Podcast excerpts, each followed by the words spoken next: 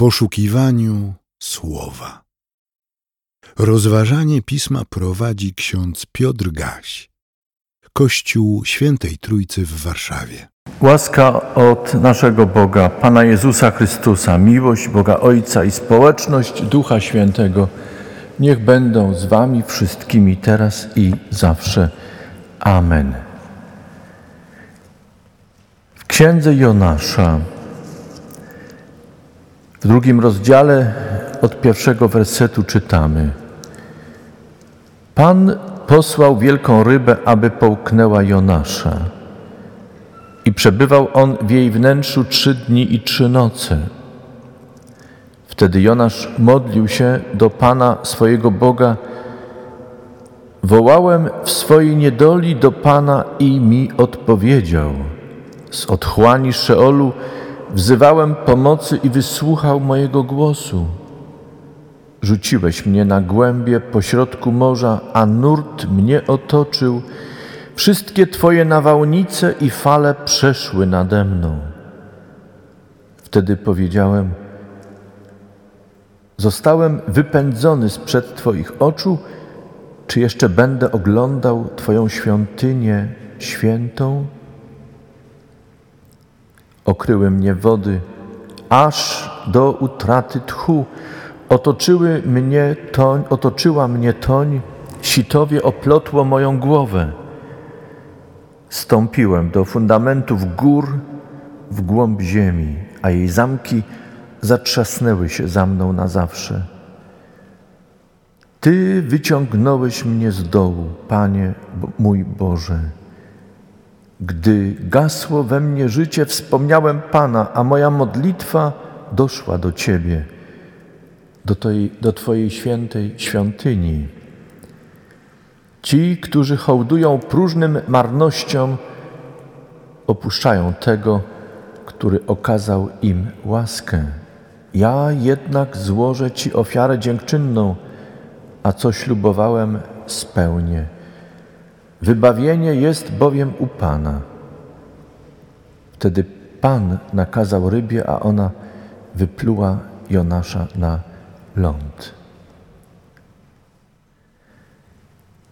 Panie Boże nasz, Twój Syn jest znakiem dla nas wszystkich. Jego droga, Jego męka, Jego zmartwychwstanie, w niebo wstąpienie, Jego zmartwychwstanie są dla nas otwarciem nowej perspektywy, która ma nas zbliżyć do Ciebie i zmienić całe nasze patrzenie na to, co jest, tu i teraz.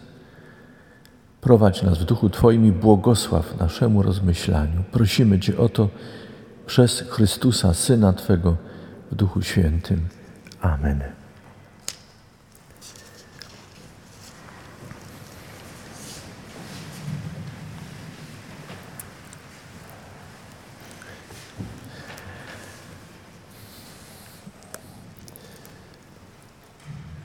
To ciekawe, siostry i bracia, że sięgamy dzisiaj do księgi Jonasza.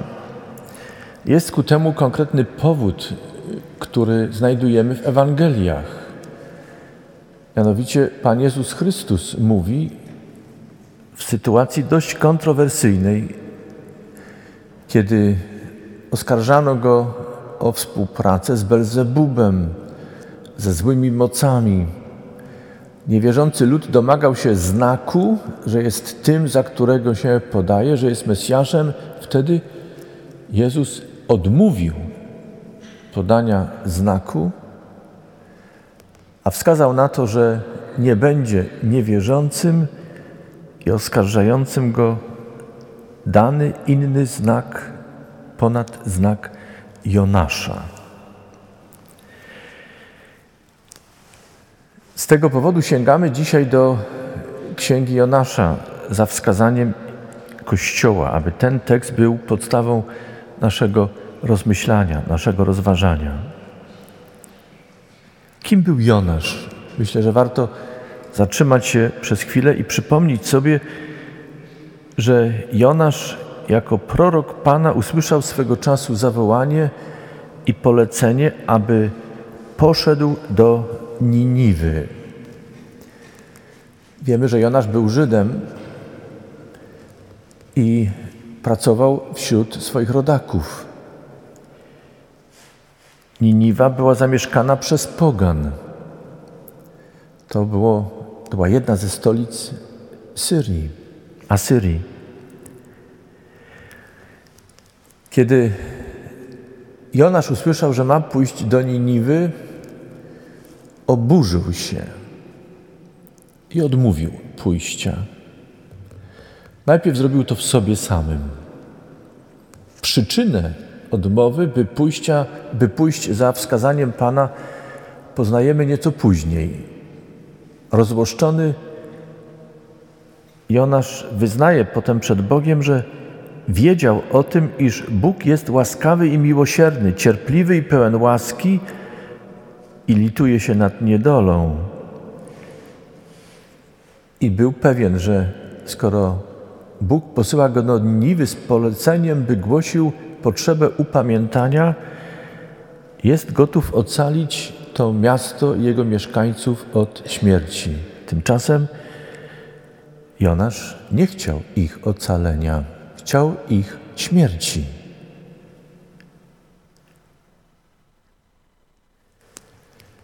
Trudno to sobie wyobrazić, że prorok Pana,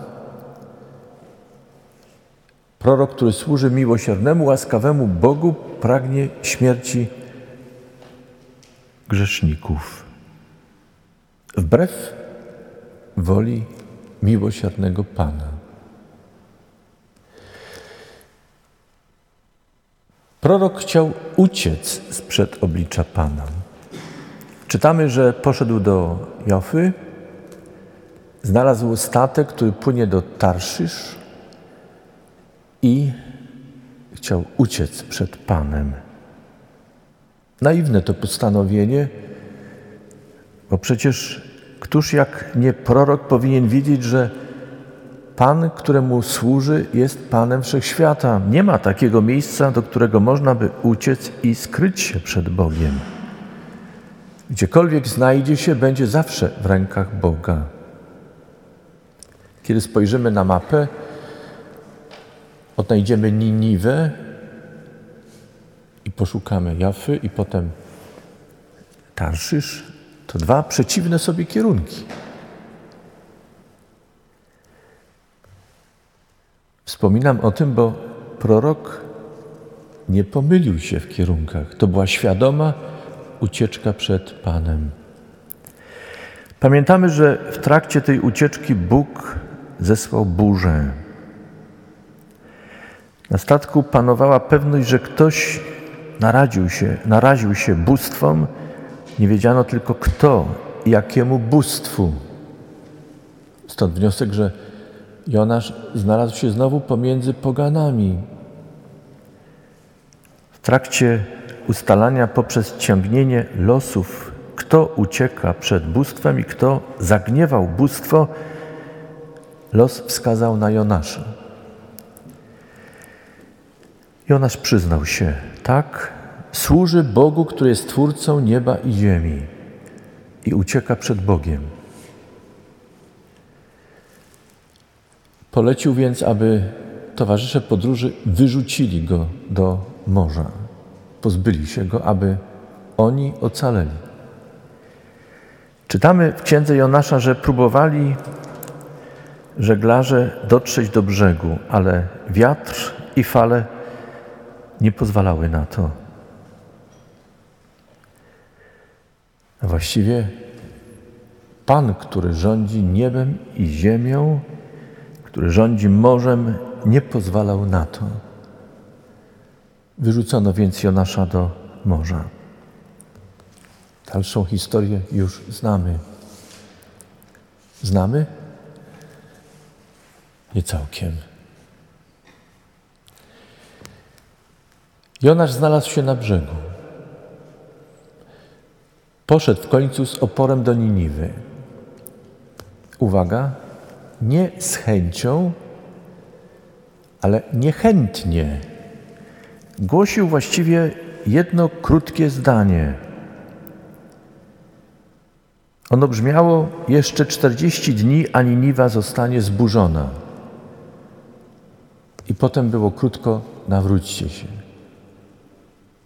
Stało się to, o czym myślał Jonasz. Mieszkańcy Niniwy, choć Jonasz głosił innego Boga niż oni znali, o dziwo, posłuchali przesłania nie Jonasza, ale Boga, który go posłał.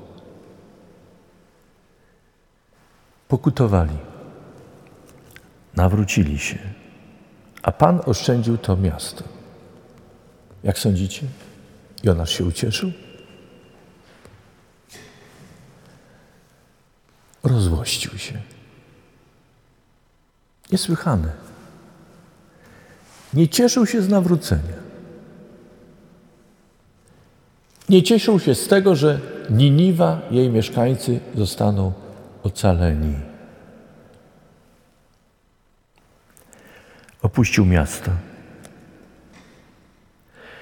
A przed Bogiem powiedział: Uciekłem do Tarszysz, ponieważ wiedziałem, że jesteś Bogiem miłosiernym i litościwym, cierpliwym, pełnym łaski i litującym się nad niedolą. A teraz, Panie, odbierz mi życie, gdyż lepiej mi umrzeć niż żyć. Pan odpowiedział: Czy słusznie się tak złościsz? Zmęczony Jonasz udał się poza miasto, zbudował szałas i tam zamieszkał.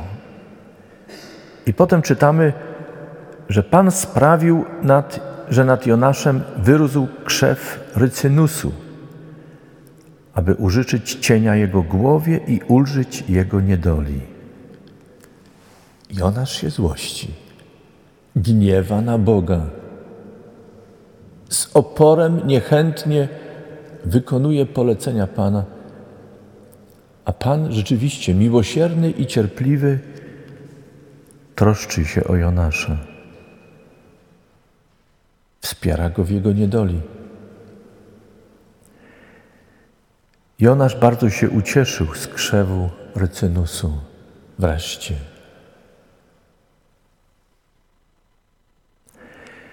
Ale po jakimś czasie krzew usechł. A Jonasz znowu się złościł. Złościł na Pana, że dopuścił do tego, że krzew usechł. Wtedy Pan powiedział: Ty przejmujesz się z powodu krzewu rycynusu, przy którym nie pracowałeś i którego nie wyhodowałeś, a który w nocy wyrósł i w nocy usechł. A ja nie miałbym ulitować się nad Niniwą, wielkim miastem, w którym jest więcej niż 120 tysięcy ludzi, nie umiejących rozróżnić między tym, co prawe, a tym, co lewe, a nadto jest wiele bydła. Siostry i bracia, Chrystus mówi, że On stanie się dla świata znakiem Jonasza. Dla niewierzących i dla wierzących. Dla tych, którzy Boga nie znają i błądzą, i dla tych, którzy Boga znają, wiedzą, że jest Bogiem łaskawym i miłosiernym. Dla nich wszystkich Chrystus, Zbawiciel świata, stanie się znakiem Jonasza. Ewangelista Mateusz, przytaczając tę wypowiedź Jezusa, wskazuje na to, że, czy akcentuje, że trzy dni we wnętrzu ryby będą niejako, czy były niejako zapowiedzią przebywania przez trzy dni w grobie i potem zmartwychwstania. Ewangelista Łukasz, przekazując wypowiedź Jezusa o znaku Jonasza, mówi ogólniej i wskazuje, że Jezus będzie znakiem Jonasza. Chcę nawiązać do tej szerszej wypowiedzi z Ewangelii Łukasza.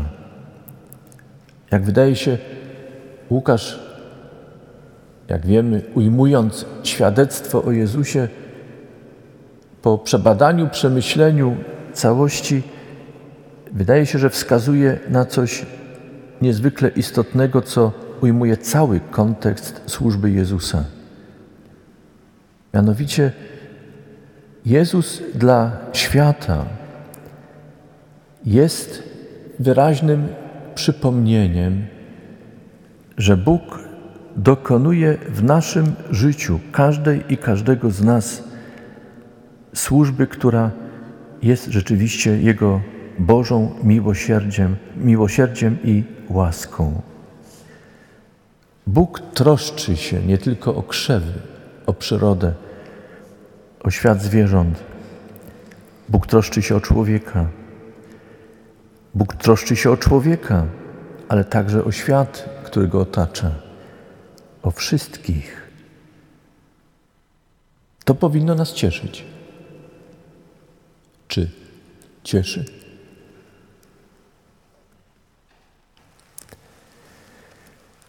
Wydawałoby się, że wierzący ludzie powinni wielbić Boga za Boże miłosierdzie i łaskę. Wydaje się, że powinni iść przez ten świat i głosić to poselstwo, wzywając do upamiętania w grzechu. Co więcej, sami, jako wierzący, powinni pokutować, to znaczy odwracać się od tego, co złe rodzi się w nich, powinni trwać w ciągłym zwróceniu się do Boga i służyć Panu. Mówiąc jeszcze inaczej, powinni za tym nowotestamentowym Jonaszem, za Chrystusem, iść Jego drogą. A jak pamiętamy, on szedł nie tylko do znających Boga, on szedł także do tych, którzy nie wierzyli, odrzucali Boga. On ogłaszał pokój nie tylko wierzącym, ogłaszał pokój także niewierzącym. I wyraźnie mówił i przypominał, że droga do pokoju, który zwiastuje, zawsze prowadzi poprzez pokutę i nawrócenie i przyjęcie drogi, na którą Bóg wskazuje przez swoje słowo. Upamiętajcie, nawróćcie się i wierzcie Ewangelii. To głosił Chrystus. Ostrzegał jednocześnie, że każdy, kto trwa na swojej drodze i oddala się od Boga, ucieka od Boga, idzie w kierunku zguby własnej, ale też jego ucieczka i oddalanie się od Boga wcześniej czy później przełoży się na sianie zguby i zła w tym świecie wobec innych. I to dotyczy zarówno wierzących, jak i niewierzących. Każdy, kto wraca na drogę oddalania się od Boga, niezależnie od tego, czy wcześniej był wierzący, czy niewierzący, sieje zgubę. Sytuacja wierzących jest gorsza właściwie niż niewierzących. Bo ci, którzy nie wierzyli, nie znali Boga, nie mieli doświadczenia wiary i bliskości Boga, nie mają do czego się odnosić i brną właściwie dalej zaślepieni. Ci, którzy poznali Boga, doświadczyli Jego bliskości, oddalając się, niejako przekreślają to, co wcześniej Bóg w ich życiu uczynił, co im darował. Depczą służbę łaskawego, miłosiernego Boga. Są gorsi od niewierzących, bo otrzymali i nie pielęgnują tego, co im jest dane.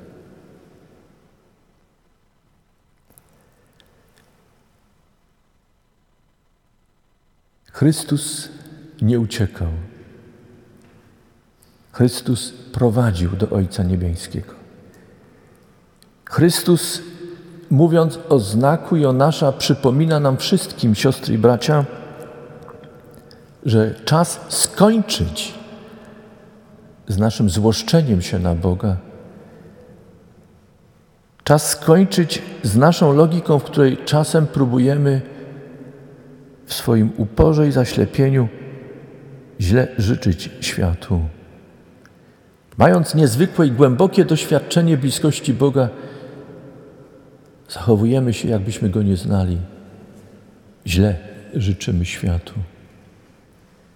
Znak Jonasza to przywołanie sytuacji, w której Bóg musiał zmagać się ze swoim prorokiem, który błądził w swoim myśleniu. Pomyślmy przez chwilę. Czy jako wierzący przypadkiem nie mamy sytuacji w życiu, w której błądzimy źle, życząc drugiemu człowiekowi i światu?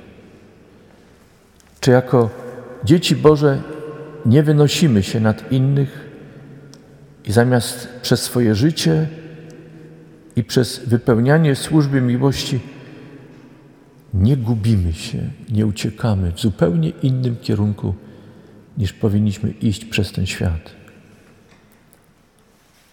Siostry i bracia, Bóg był z Jonaszem w drodze. Zauważmy, że Bóg jest także w drodze z uczniami idącymi do Emaus. Jest obecny poprzez swego Syna, Pana Jezusa Chrystusa. Tak jak Jonaszowi musiał tłumaczyć, przekonywać go, uspokajać jego gniew, używać różnych jeszcze dodatkowych znaków i doświadczeń, by go przekonywać, że błądzi, użalając się nad rośliną, a nie żal mu mieszkańców Niniwy. Tak Bóg przez syna swego uczniów idących do Emaus musiał na nowo szukać i odnajdywać poprzez tłumaczenie im proroctw prawa Bożego. Niezwykłe jest to, że uczniowie idący do Emaus na końcu drogi, kiedy wreszcie rozpoznali Chrystusa, dziwili się, jak mogliśmy nie widzieć Go, nie dostrzegać Go wcześniej. Znamy to?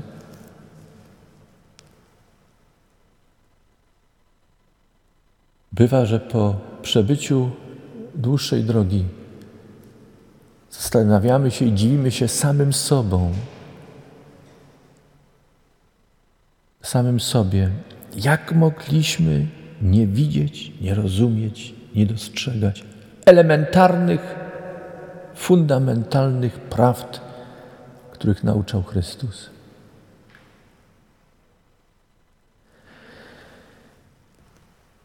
Chcecie znaku? Nie będzie dany większy niż znak Jonasza, mówi Chrystus.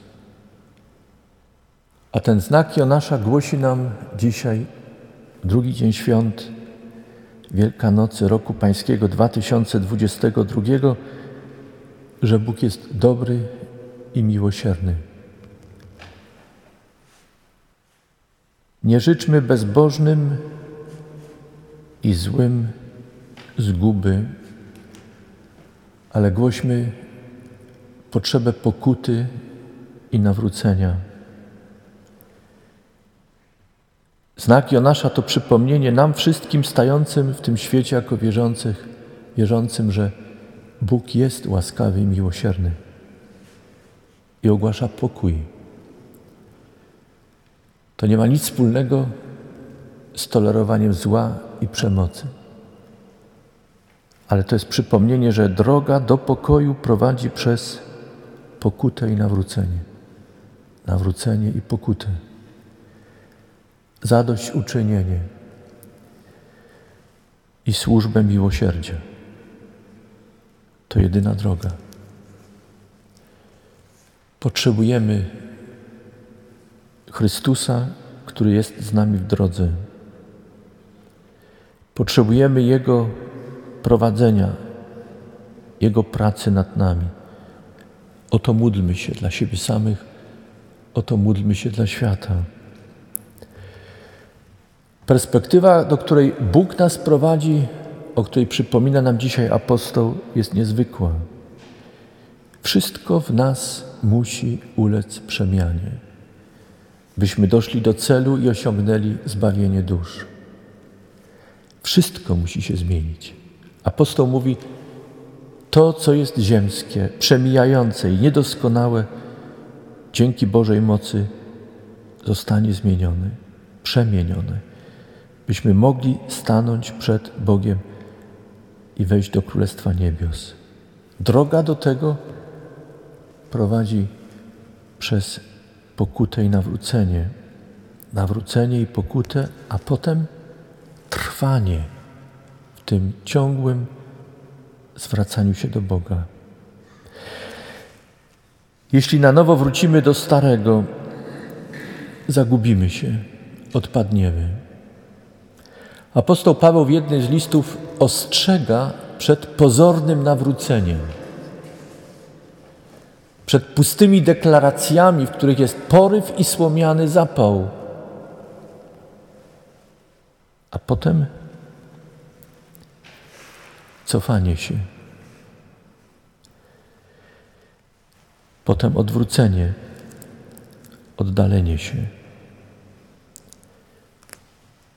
Jonasz jest też ostrzeżeniem. Nie próbujmy w Królestwo Boże, w Boże władanie wpisywać naszej logiki i naszego sposobu myślenia. Trwanie w pokucie i nawróceniu to jest także ciągłe uczenie się tego, że Bóg myśli inaczej niż my. I to nie Bóg ma się uczyć naszego myślenia, ale my mamy uczyć się Jego myślenia. To Bóg chce, abyśmy działali wedle Jego strategii. Nie wolno nam oczekiwać, że Bóg przyjmie naszą strategię.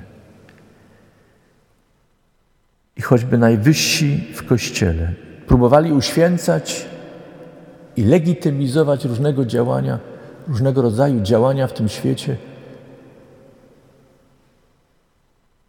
które wpadają człowiekowi do głowy, pamiętajmy, Bóg jest suwerenny. Wcześniej czy później obnaży odstępstwo, bezprawie, niegodziwość, która nie ma nic wspólnego z Jego myśleniem, Jego sposobem działania.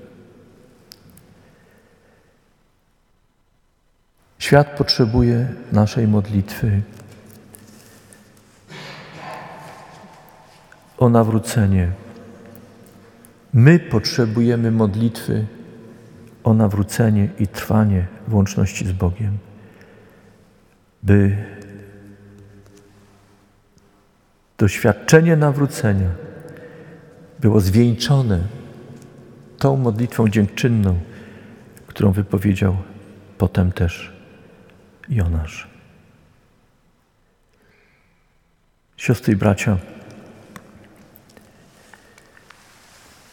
chcę zaprosić Was teraz do uwielbienia Boga i do złożenia naszego wyznania wiary w tego, który jest, który działa, o którym świadczą pisma, który nam daje doświadczenie nawrócenia, budzi w nas pokutę, głód, pragnienie bliskości Boga i pragnienie zachowania łączności z naszym Panem, byśmy przemienieni przez Niego byli użyteczni dla Jego chwały tu i teraz i byśmy przemienieni przez Niego już teraz i wtedy, kiedy odwoła nas z tej ziemi, odziedziczyli życie wieczne. Proszę powstańmy i wyznawajmy naszego Pana. Więcej materiałów na www.trójcawaw.pl